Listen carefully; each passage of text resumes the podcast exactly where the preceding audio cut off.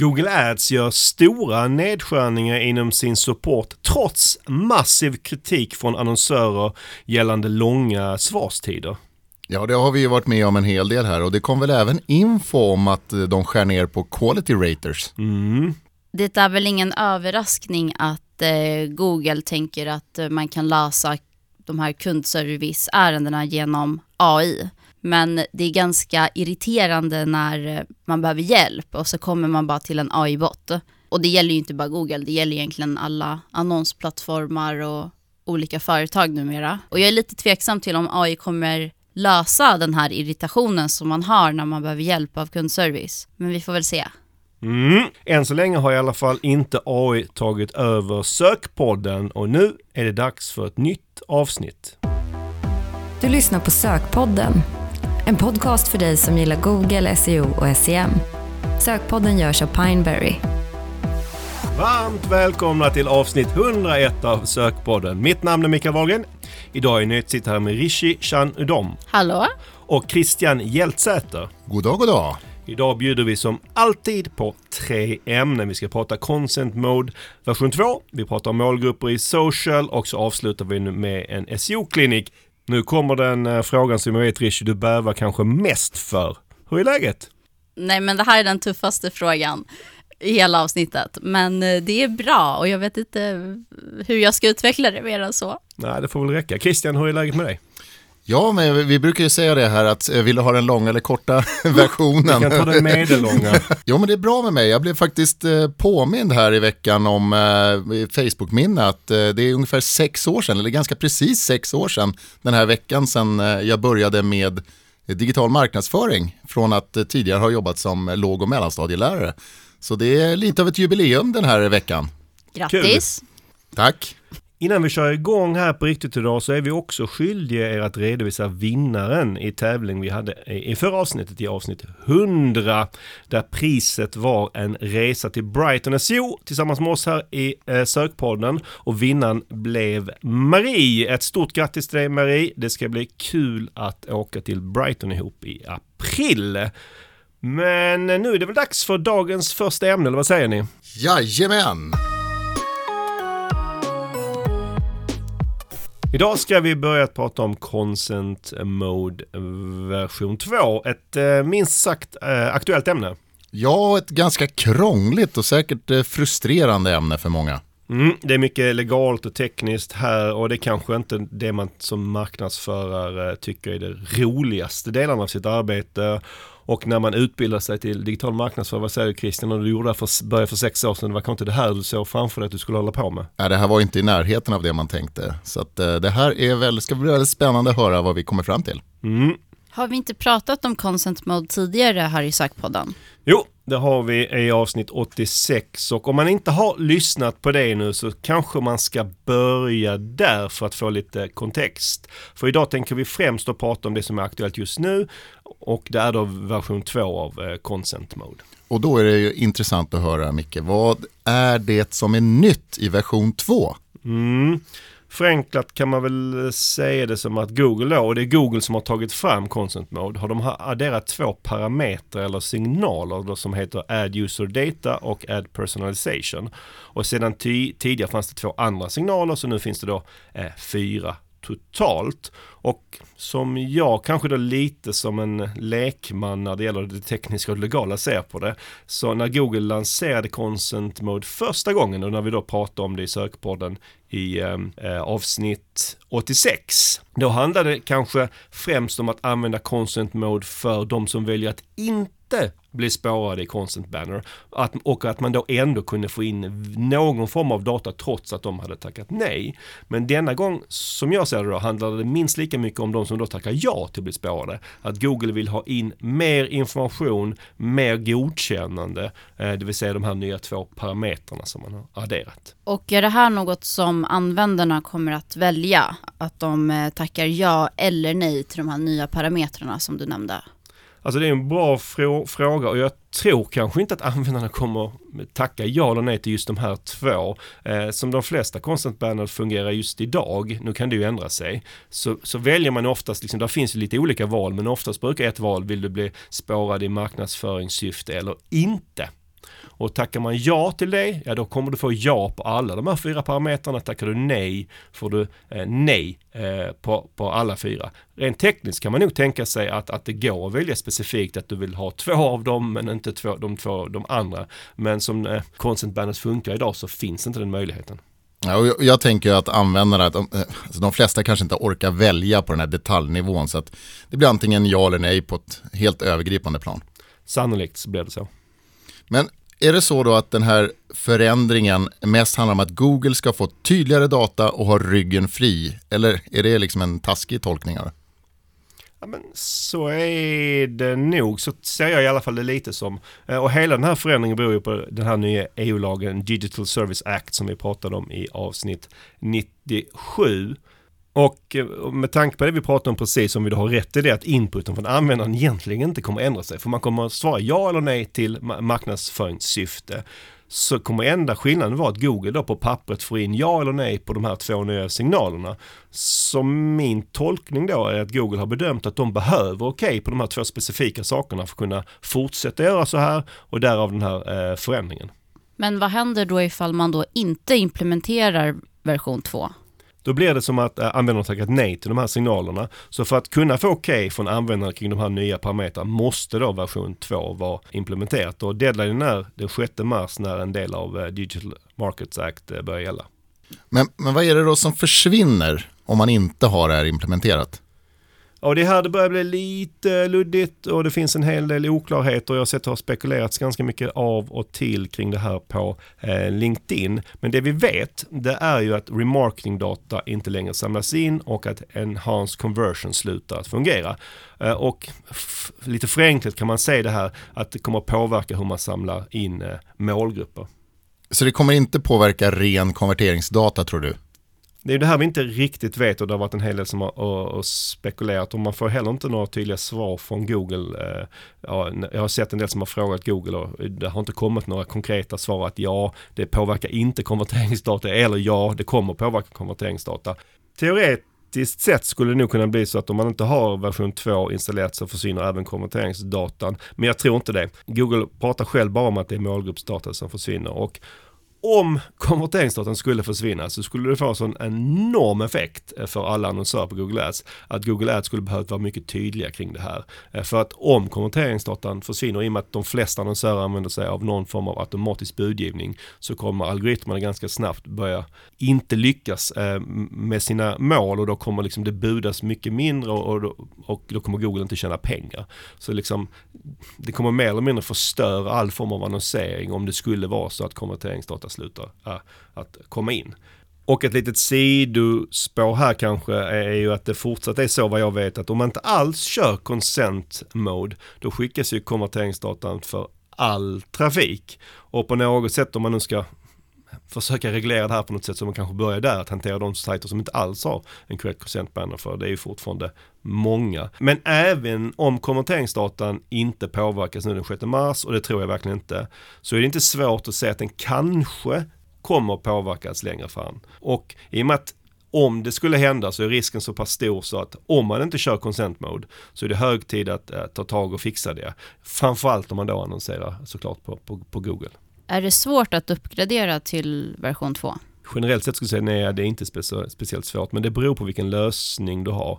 Använder du någon av de här eh, CMP-erna som är certifierade av Google så är det oftast ganska enkelt att uppgradera till version 2. Vi och många av våra kunder använder en eh, certifierad som heter Cookiebot och där handlar det om att uppdatera en template i GTM för att uppdatera till version 2, så det är ingen, det är ingen jättestor sak. Och det är väl ett bra tips rent allmänt att använda en CMP som faktiskt är certifierad av Google. Det gör ju allting mycket, mycket lättare. Ja, verkligen. Och version 2, man hör nästan det på namnet, är sannolikt inte sista gången den uppdaterar utan det kommer kanske komma en version 3. Det är ju perfekt så då får vi ett ämne här i sökpodden igen lite längre fram. Och vill du då göra det lätt för dig så, så väljer du en, en certifierad CMP för då kommer det sannolikt vara enklare att, att uppdatera mellan eh, versionerna. Och en sak som man kan nämna här i sammanhanget är att se redan sedan i januari så är det faktiskt så att Google kräver att alla publicister som då till exempel använder AdSense måste måste använda sig av en certifierad CMP. Så det är i alla fall inte helt otänkbart att detta krav även kommer att komma till annonsörerna längre fram. Men det får vi helt enkelt se. Och med det så lämnar vi Consent Mode version 2 för idag och går vidare till dagens nästa ämne. Nu ska vi prata målgrupper och mer specifikt målgrupper när det gäller annonsering i sociala medier. Vi hade detta eh, ämne i avsnitt 54. Det här var 2019, eh, men det har hänt ganska mycket sedan dess, eller? Ja men verkligen, jag skulle säga att man jobbar nästan helt annorlunda idag än vad man gjorde förr. Och kanske då framförallt på Meta. Mm, jag tänker att vi så här i början av ämnet, vi kan vi väl hålla oss till annonsering på Meta detta och sen kan vi kanske på slutet återkomma till hur det skiljer sig på de andra sociala plattformarna. Låter det rimligt? Ja, men det låter bra. Mm. Och vad skulle du säga, vad är den, då, den stora skillnaden i hur du jobbar med målgrupper idag mot hur man gjorde tidigare? Ehm, den stora skillnaden är väl att tidigare så segmenterade man väldigt mycket på olika målgrupper och mätte olika adsets. Ehm, man segmenterade på kön, på ålder, på olika intressen. Eh, så man spred ut datan på väldigt många och det gör man inte alls idag. Eh, man segmenterar inte manuellt på adset-nivå längre utan man låter Meta och deras algoritm göra det åt en. Ja, men det låter ju ganska enkelt. Då är det bara att välja Sverige som målgrupp och sen låter man Meta välja. Ja, men kanske inte alltid så extremt. Eh, men det beror också lite på vad man har för kampanjmål. Eh, är det en konverteringskampanj, då kan man göra väldigt lite segmentering och nästan i princip så som du sa. Och då låter man som sagt Meta istället välja vilka som är mest köpbenägna så att man inte exkluderar någon som faktiskt vill köpa. Sedan hur länge har du så slutat att manuellt segmentera konverteringskampanjer på Meta? Jag skulle väl säga att det har varit gradvis under kanske senaste året som man har gått allt mer mot de här automatiska. Tidigare så körde vi också manuella placeringar mellan eh, Facebook och Instagram. Så det började väl med placeringarna att vi körde mer automatiskt mellan dem och sen så gick vi in mer automatiskt på målgrupperna. Men det var väl ungefär ja, men här senaste året som, man har, som jag har svängt över och tycker att Meta har blivit tillräckligt bra på att välja ut dem, då särskilt i konverteringskampanjerna. Mm, och det, det jag tänker på, jag kan dra en parallell till hur det var på Google Ads, för det är ju så att Meta har ju pratat om det här under kanske ännu lite längre tid, om att man, de tycker att man ska göra så här. Och så var det också med de automatiska budstrategierna på Google Ads, där man var lite skeptisk först. Eh, man måste ju testa det ett tag för att vara säker på att, att, att algoritmerna kan göra jobbet så att säga. Men, men nu är du övertygad om att de generellt sett gör jobbet tillräckligt bra. Ja, precis. Men sen så testar vi ju det hela tiden ändå, parallellt. Men jag håller med, det har ju helt, fokuset har helt gått från målgruppen till mer kanske annonser. Fokusera på hur annonserna i sig presterar istället för målgrupperna. Men en, en, en, lite rolig sak är att även Meta har ju börjat gömma de här målgruppsinställningarna så att det automatiska är att eh, eller säger man, per, per default så är det automatiska målgrupper, det vill säga väldigt, väldigt brett. Mm, det är ingen tvekan om att Meta vill att man inte ska segmentera. Nej, precis. Så skulle du säga att du aldrig numera då segmenterar en konverteringskampanj? Jo, men om man inte når målet, då kan man ju skära ner lite. Så här på just konverteringskampanjer är det lite tvärtom, att man kanske börjar brett och sen skär ner. Men har man problem med sin eh, lönsamhet i konverteringskampanjer så är det sällan just målgruppssegmenteringen kommer att lösa de problemen. Det är oftare som det kanske är annonserna som man behöver förbättra eller erbjudandet eller kanske landningssidan. Ehm, just så här, att segmentera i målgrupperna där kommer ge en mindre skillnad i resultatet. Det kan också vara att man kanske inte har tillräckligt mycket konverteringar på sin sajt och därför inte har så mycket data på pixeln och därför inte kan ge den information som Meta behöver för att kunna segmentera bra. Tycker du likadant kring brandingkampanjer som då är lite mer upper funnel eller segmenterar du dem? Um, men i brandingkampanjer där segmenterar jag fortfarande rätt så mycket och kör mindre målgrupper. För att Meta kommer alltid att optimera kampanjen mot det kampanjmål man har valt. Så säg att man har en trafikkampanj, då kommer den bara optimera mot att få väldigt många klick men inte ta hänsyn till ens affärsmål eller eh, ens eh, målgrupp, ens target group helt enkelt. Ehm, så den kommer bara att visa annonserna där den får billigast klick så att säga. Och ett bra exempel på det är ju de vi kallar för superklickarna, vilket är 65-plussarna, som ofta tar en väldigt stor del av budgeten om man har en, en trafikkampanj eller brandingkampanj. Varför, varför gör de det? Ja, men en sak vi ser är att 65-plussarna ofta har en mycket högre klickfrekvens, eh, det vill säga CTR, än övriga åldrar. Ehm, och då är det ju självklart att Meta gärna visar annonserna för dem för att det är det som du har ställt in ditt mål på. Men om målgrupperna, din produkt eller tjänst inte har 65-plussare som målgrupp, då kan det vara bra att exkludera dem ur brandingkampanjen så att de inte får för mycket budget. Men ja, i en konverteringskampanj så är detta inget problem för att där kommer inte Meta att visa annonserna för dem om de inte konverterar. Det är intressant då att eh, faktiskt eh, 65-plussarna har en högre CTR. Om vi ska spekulera, varför är det så?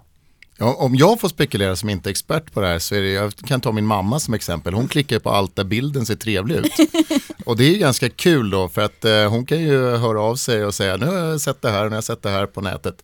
Men eh, jag vet ju själv med kunder som vi kör som till exempel B2B-kunder som vill bygga branding på Meta, där eh, tar vi nästan alltid bort 65-plussarna.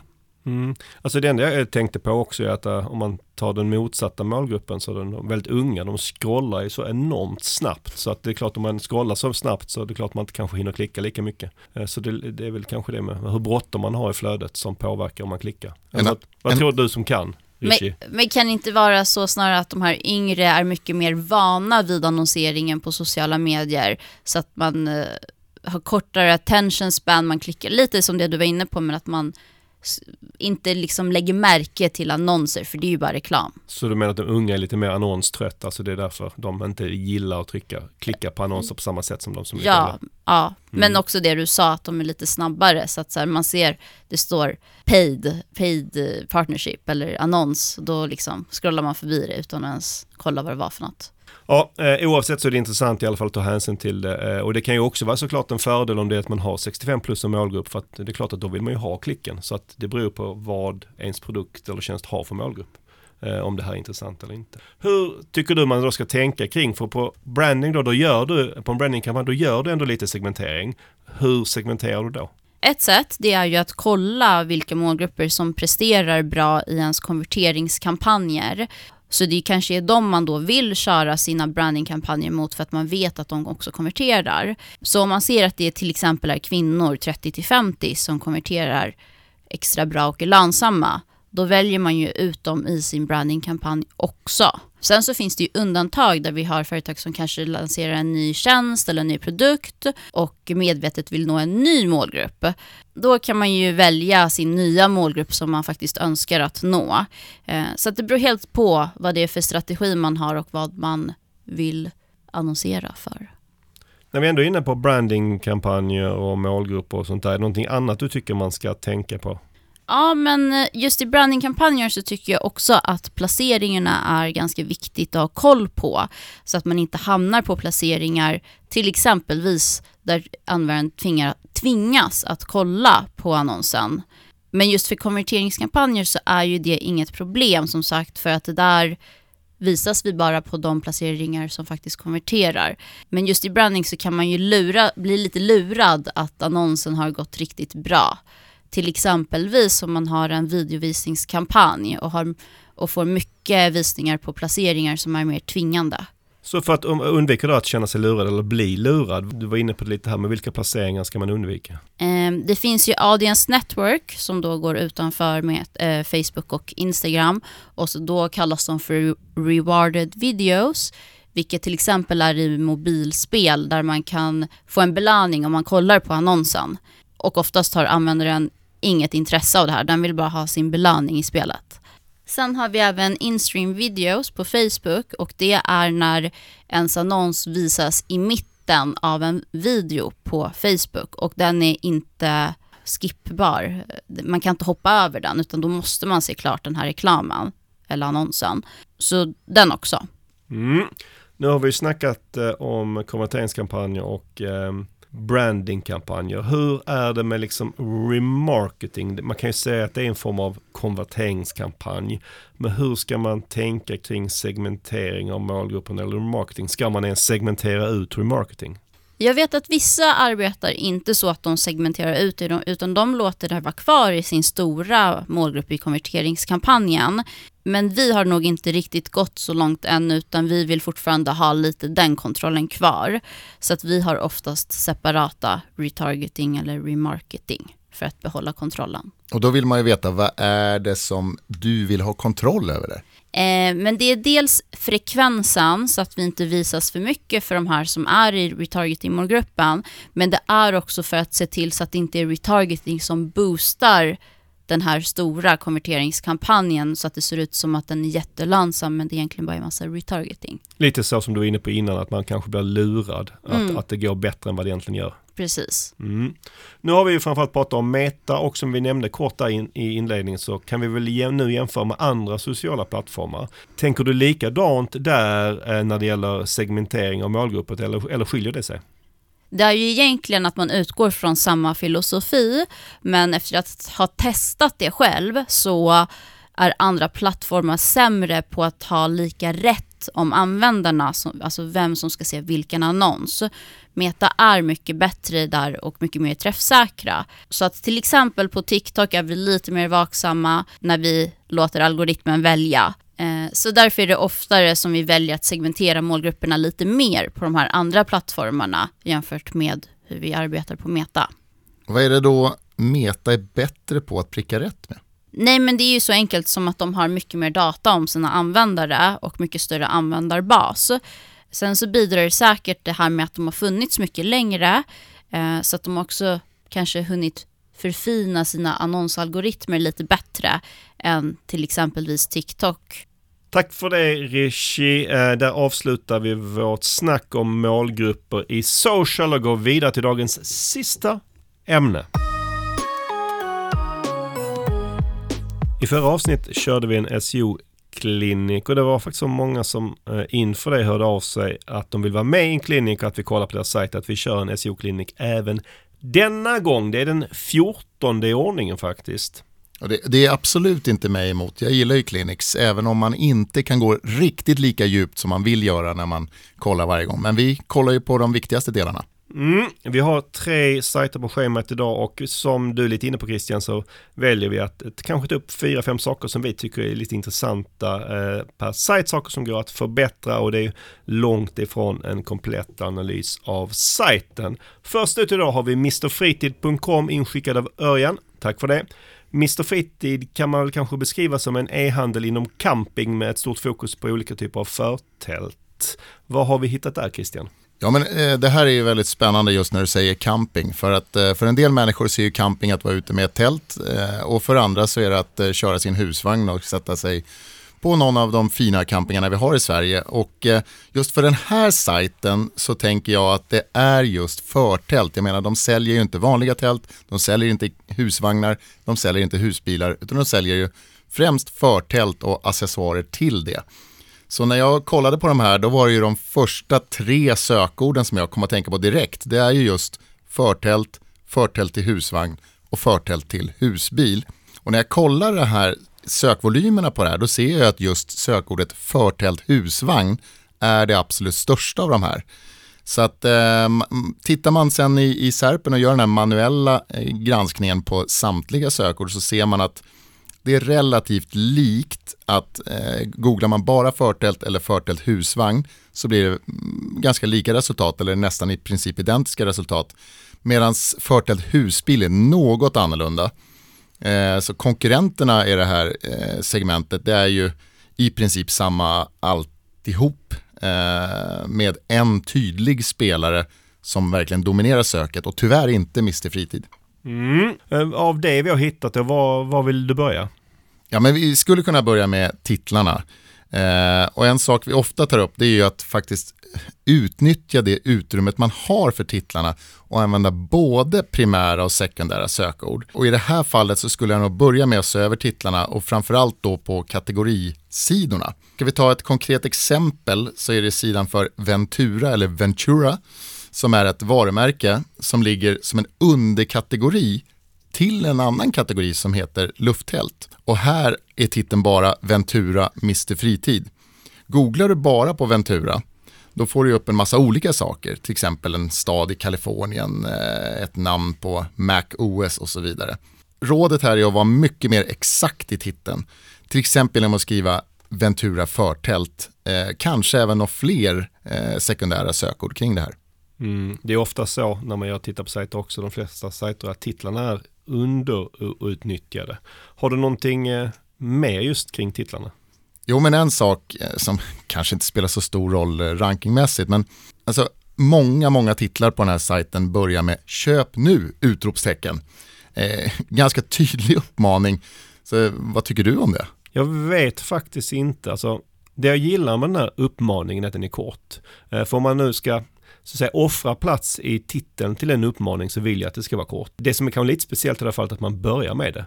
Och rent stilistiskt tycker jag kanske inte att det, det tilltalar inte mig, men det, det, rankingmässigt spelar det nog inte så stor roll och jag är inte helt säker på vad som är bäst CTR-mässigt heller. Eh, men ofta brukar jag kanske ha de här uppmaningarna i metadescription istället. Men i det här fallet så kanske den får plats, men jag hade nog kanske inte haft den först. Eh, och, och något som blir spännande och något som har diskuterats på LinkedIn det är ju det här med att Google faktiskt kan välja titlarna själv. Så även om du i, i ditt CMS lägger in en speciell titel så kan det ju vara så att Google väljer något annat. Eh, och i vissa fall har vi sett att den till och med plockar bort eh, företagsnamnet på slutet. Så att ja, uppmaningar kan vara bra men ja, jag ställer mig lite tveksam till att ha köp nu utropstecken först i en titel. Ja, och det är större risk att de tar, Google tar bort en sån uppmaning för att de vill ju ha någonting i titeln som beskriver vad sidan handlar om och då, då är det kanske i fallet Ventura förtält eller vad, vad det kan nu vara att sidan handlar om. Sen vet jag att du hade något kring eh, internlänkarna. Jo, men enligt mig så finns det en problematik redan i menyn, exempelvis till lufttält. Det finns ju lufttält både för husvagn och husbil. Eh, och de ligger ju inte på samma landningssida. Eh, dessutom finns det ju vanliga lufttält eh, som inte alltid har med husvagnar och husbil att göra. Så här skulle jag vara tydlig, alltså ordentligt tydlig. I menyn så ligger det nu två underkategorier, underkategorier som heter just lufttält. Jag hade nog döpt dem till lufttält husvagn och i den andra underkategorin till lufttält husbil för att vara extremt tydlig med Google. Och det ger ju möjligheten att faktiskt ranka på de sökorden ännu bättre. Sen har man ju här använt sig av internlänkar från brödtexter, vilket är bra generellt sett. Men skulle behöva tänka lite annorlunda här kring ankartexterna. Så om vi fortsätter med lufttält som exempel. På kategorisidan för lufttält, där ligger en länk i brödtexten som pekar till startsidan men har ankartexten lufttält. Och varför är inte detta bra? Jo, men om vi antar att det här eh, lufttältskategorin, vilket jag tror, det är ju den som verkligen ska ranka på lufttält. Då motarbetar ju den här ankartexten det genom att säga till Google att det är startsidan som handlar om lufttält. Eftersom ankartexten spelar så stor roll i vad Google ska tolka att den här länken kommer leda dig till en sida som handlar om det här. Så att, ja, det här behöver man göra om. Ja, och det hade ju varit okej okay att det stod lufttält på den här ankartexten om det var så att man hade optimerat startsidan för lufttältet. Det var den som skulle ranka på lufttält men utifrån hur startsidan är optimerad och att det finns en kategorisida för det så är det inte det så man vill att det ska vara i det här fallet. Så därför Nej, måste precis, man, precis. som du säger, tänka om lite. Eh, vad har du hittat med Christian? Ja, men sen såg jag en liten grej kring rubrikerna. Eh, och det är ju att det finns två H1 på varje sida. Och man vill ju helst för tydlighetens skull bara använda en. Och i det här fallet så är ju första H1 det som borde vara H1, så där är inga problem. Men sen finns det en tom H1 i sidfoten på de allra flesta sidorna. Så det är säkert en bugg eller någonting. Men det här är också spännande just att eh, vissa personer inom som programmerare eller utvecklare, de vill gärna använda H1 på olika stycken och hit och dit. Men som SEO-are, då vill vi ju helst ha en H1 på varje landningssida. Mm. Har du någonting mer du vill lyfta kring eh, innehållet? Ja, men jag har en sak till. Eh, vi brukar ju mest ta upp saker som vi tycker kan förbättras. Men här är ett exempel faktiskt på något som jag tycker man gör bra och det är att man skriver artiklar om relevanta närliggande saker. Till exempel bästa campingplatserna på Österlen. Så den som googlar efter det är ju inte ute efter ett nytt förtält just nu men garanterat är det rätt målgrupp för Mr Fritid så att det är ju en bra branding och jobba upper funnel med SEO på det här sättet. Så det tycker jag man ska göra mer av. Och dessutom, ju fler sådana artiklar man skapar, desto större eh, möjligheter att skapa och bygga internlänkar med bra ankartexter från artiklar. Och då eh, bygger man upp den här auktoriteten och det kommer gynna rankingen. Hade du något mer tekniskt? Jo, men en sak och det är ju när vi spindlar igenom deras tre sitemaps. Då fick vi det till 400 sidor, men om man spindlar sajten som vanligt då hittas bara drygt 200 sidor. Så nästan hälften av de här sidorna är så kallade orphan pages och har inga interna länkar. Och det finns säkert flera olika orsaker till det här, men en verkar vara att man listar de mest populära bloggartiklarna. Och det finns liksom inget sätt att klicka sig fram till alla, inte vad jag kunde hitta i alla fall. Mm, på tal om eh, länkar, hur ser det ut med externa länkar? Ja, men ungefär 110 eh, referring domains, eh, ganska många var directories. Så inte så mycket, men samtidigt inte så stor eller känd sajt heller. Hur skulle du skaffa fler länkar? Ja, men det är som alltid att eh, börja med sina relationer och de man känner och samarbetspartners och så vidare. I det här fallet skulle det kunna vara campingplatser. Jag ser att när man skriver om till exempel bästa campingplatserna på Österlen så skriver man såklart om ett antal av dem och då skulle man ju länka ut till dem, vilket han gör. Eh, så jag skulle kontakta dem och kolla om kan inte ni länka tillbaka som ett tack eller visa att eh, de faktiskt eh, vill bli kallade för de bästa campingplatserna. Och eh, den här typen av länkar blir förvisso reciproka länkar men det är ändå klart värt det. Tack för det eh, Christian och där lämnar vi Mr Fritid eh, för idag och går vidare till nästa sajt som är kianolife.com kom inskickade Mikael. Tack för det. Det här är då en e-handel inom hälsa. Vad har vi hittat där? Jo, men eh, det man först tänker på, eller i alla fall jag med mina SEO-glasögon, det är att man eh, börjar med språket och HRF Lang och här finns det lite konstiga fel. Sajten finns på exempelvis finska under slash fi, men i HRF Lang då står det att slash fi riktar sig mot fi DE, vilket betyder att den, den faktiskt riktar sig mot tyska marknaden, fast på finska. Och det är väl eh, oklart hur många eh, finskar som sitter i, i, i Tyskland och, och, googlar. Men samma sak är det på spanska eh, som finns under slash ES.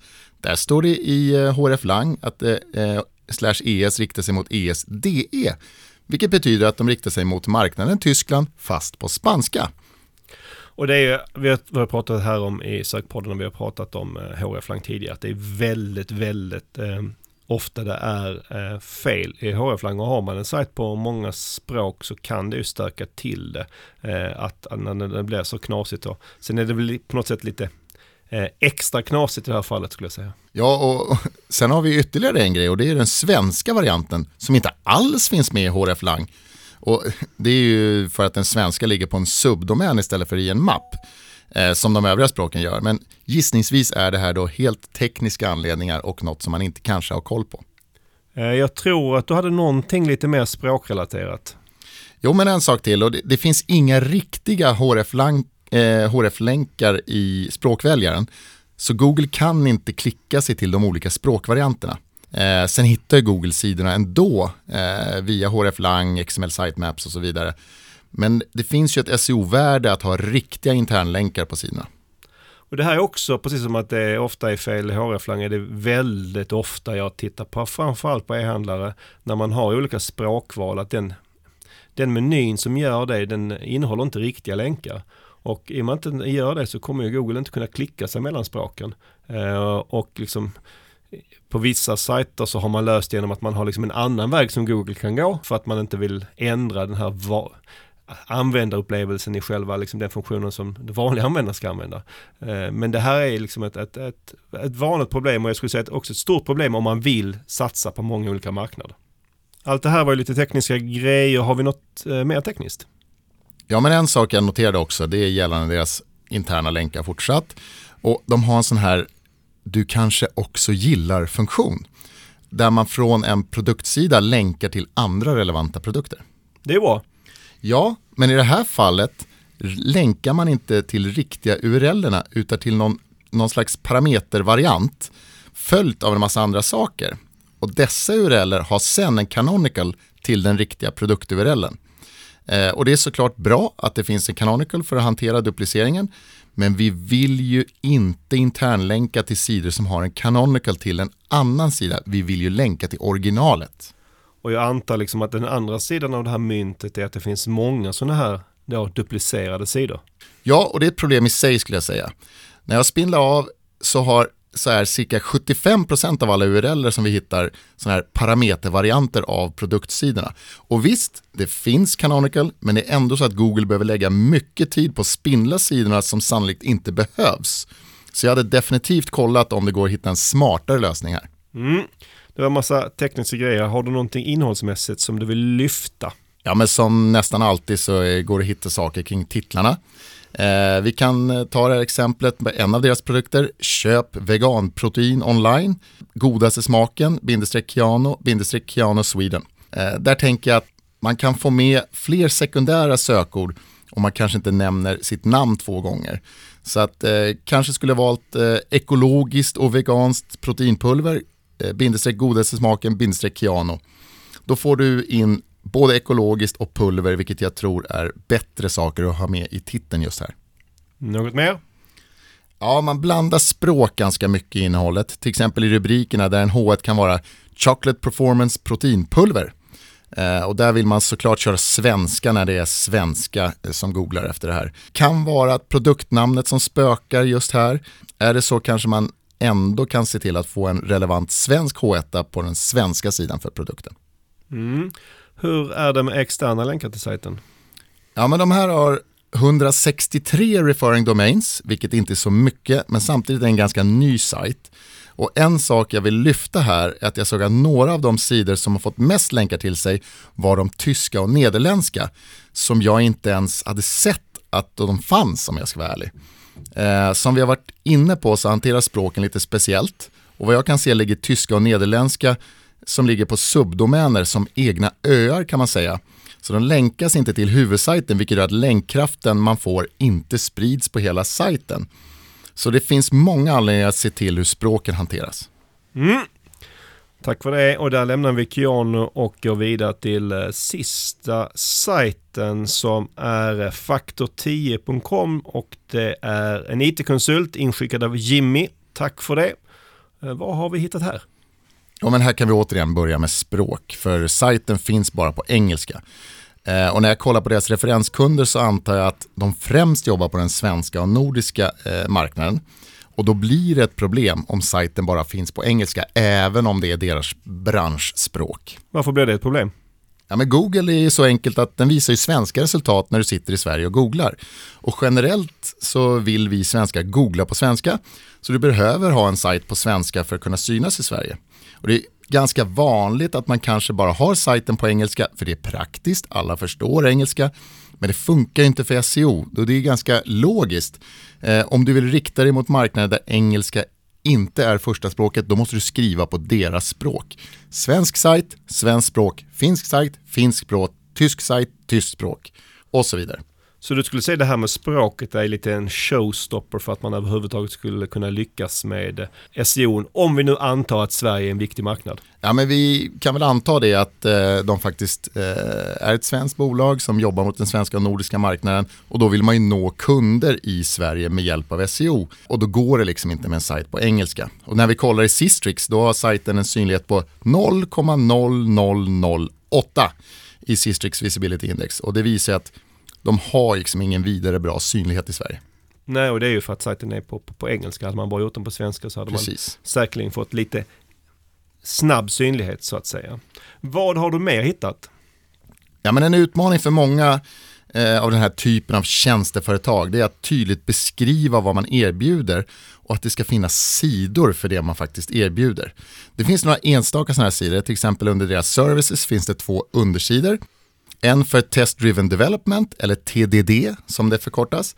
och en om Sustainable Websites. Eh, jag kollade lite i Ahrefs och såg att sökningen TDD i Sverige har ungefär 450 sökningar per månad. Så man borde kanske satsa på det här om det är en viktig tjänst de har. Sen kollade jag också på hållbara eh, hemsidor och det var inte lika mycket sök på det. Så att, men jag skulle ändå vilja säga att det kan vara något som kommer i framtiden så det kan vara bra att ha det på svenska och faktiskt döpa det till det här. Här borde man verkligen göra en sökordsanalys för att hitta vad är det som folk söker efter på svenska i den här branschen. Så du hade inte bara tagit en engelsk sajt och översatt den till svenska? Nej, det kan ju bli lite märkligt. Jag hade absolut först gjort en sökordsanalys för att hitta vilket sökbeteende som finns, vad finns det för relevanta ämnen, vad kan man skapa innehåll kring, finns det artiklar att skriva. Sen skulle jag definitivt kolla alla konkurrenter och se vad rankar de på, för det är ju någon som får klicken idag. Det googlas ju efter det här, så det är ju absolut någon som plockar hem trafiken idag. Mm. Är det något mer kring eh, innehållet? Ja, men jag noterar några mindre saker. Som att de har sidor för respektive av sina konsulter. Och det är bra, för man kan synas om någon söker efter en viss konsult. Men titeln på alla konsulters sidor är consultant faktor 10. Så här skulle man såklart vilja haft med namnet på konsulten. Och framförallt om det är en hyfsat känd person inom eh, branschen. Så om någon googlar Micke Wahlgren, då vill vi att de ska komma till Pineberrys sida. Mm, det får man hoppas att man gör. Mm. Och det är faktiskt en liknande sak för metadescription. Det är att man har en generell metadescription som används på många av sidorna, dock inte alla. Men metadescription ska precis som titeln vara unik för varje landningssida. Så man ska inte ha en generell som man använder på många sidor. Hur ser det ut med länkar till den här sajten? Ja, men eh, lite färre än de andra två. Det är cirka 70 referring domains. Kanske inte så många riktigt bra heller. Samtidigt, den här typen av B2B-sajter lockar lockar kanske inte alltid naturligt till sig så många länkar. Hur skulle du då skaffa fler länkar i det här fallet? Ja men det blir ju tjatigt nu men börja i relationerna, samarbetspartners, kunder, leverantörer. Där finns det oftast relevanta och bra sajter som kanske är inom samma eh, nisch. Sen såg jag också att de anordnar en konferens. Och där kanske går att hitta något smart sätt att göra det naturligt för deltagarna och de deltagande företagen att länka till faktor 10. Det skulle säkert bli riktigt bra länkar då. Mm, tack för det Christian och där sätter vi stopp för vår SEO-klinik. Vill du att vi slänger ett halvkritiskt öga på din sajt i framtida clinics, ja då är det bara att du hör av dig. Och nu återstår endast att avrunda dagens avsnitt. Innan vi stänger butiken idag vill jag slå ett slag för att vi söker nya kollegor inom Google Ads. Ja, så är du sugen på ett nytt jobb så gå in på jobb.pineberry.com och läs mer. Du får gärna såklart ha jobbat med Google Ads tidigare men viktigast av allt är att du tycker sök är lika kul som vi och det hoppas jag att du gör med tanke på att du har lyssnat ganska länge på det här avsnittet. Och vi söker både juniora och mer seniora Google Ads-konsulter. Och sen vill vi också slå ett slag för SEO-snack i Stockholm snart. Torsdagen den 22 februari smäller det. Så jag hoppas verkligen vi syns där. Så gå in på seosnack.se för att kolla in detaljerna. Och som alltid, har du tankar eller feedback på dagens avsnitt så når du oss på sokpodden at pineberry.com. Ett stort tack för att du hängt med oss ända hit idag. Ta hand om dig så hörs vi igen om en månad. Tack och hej. Allt gott till er.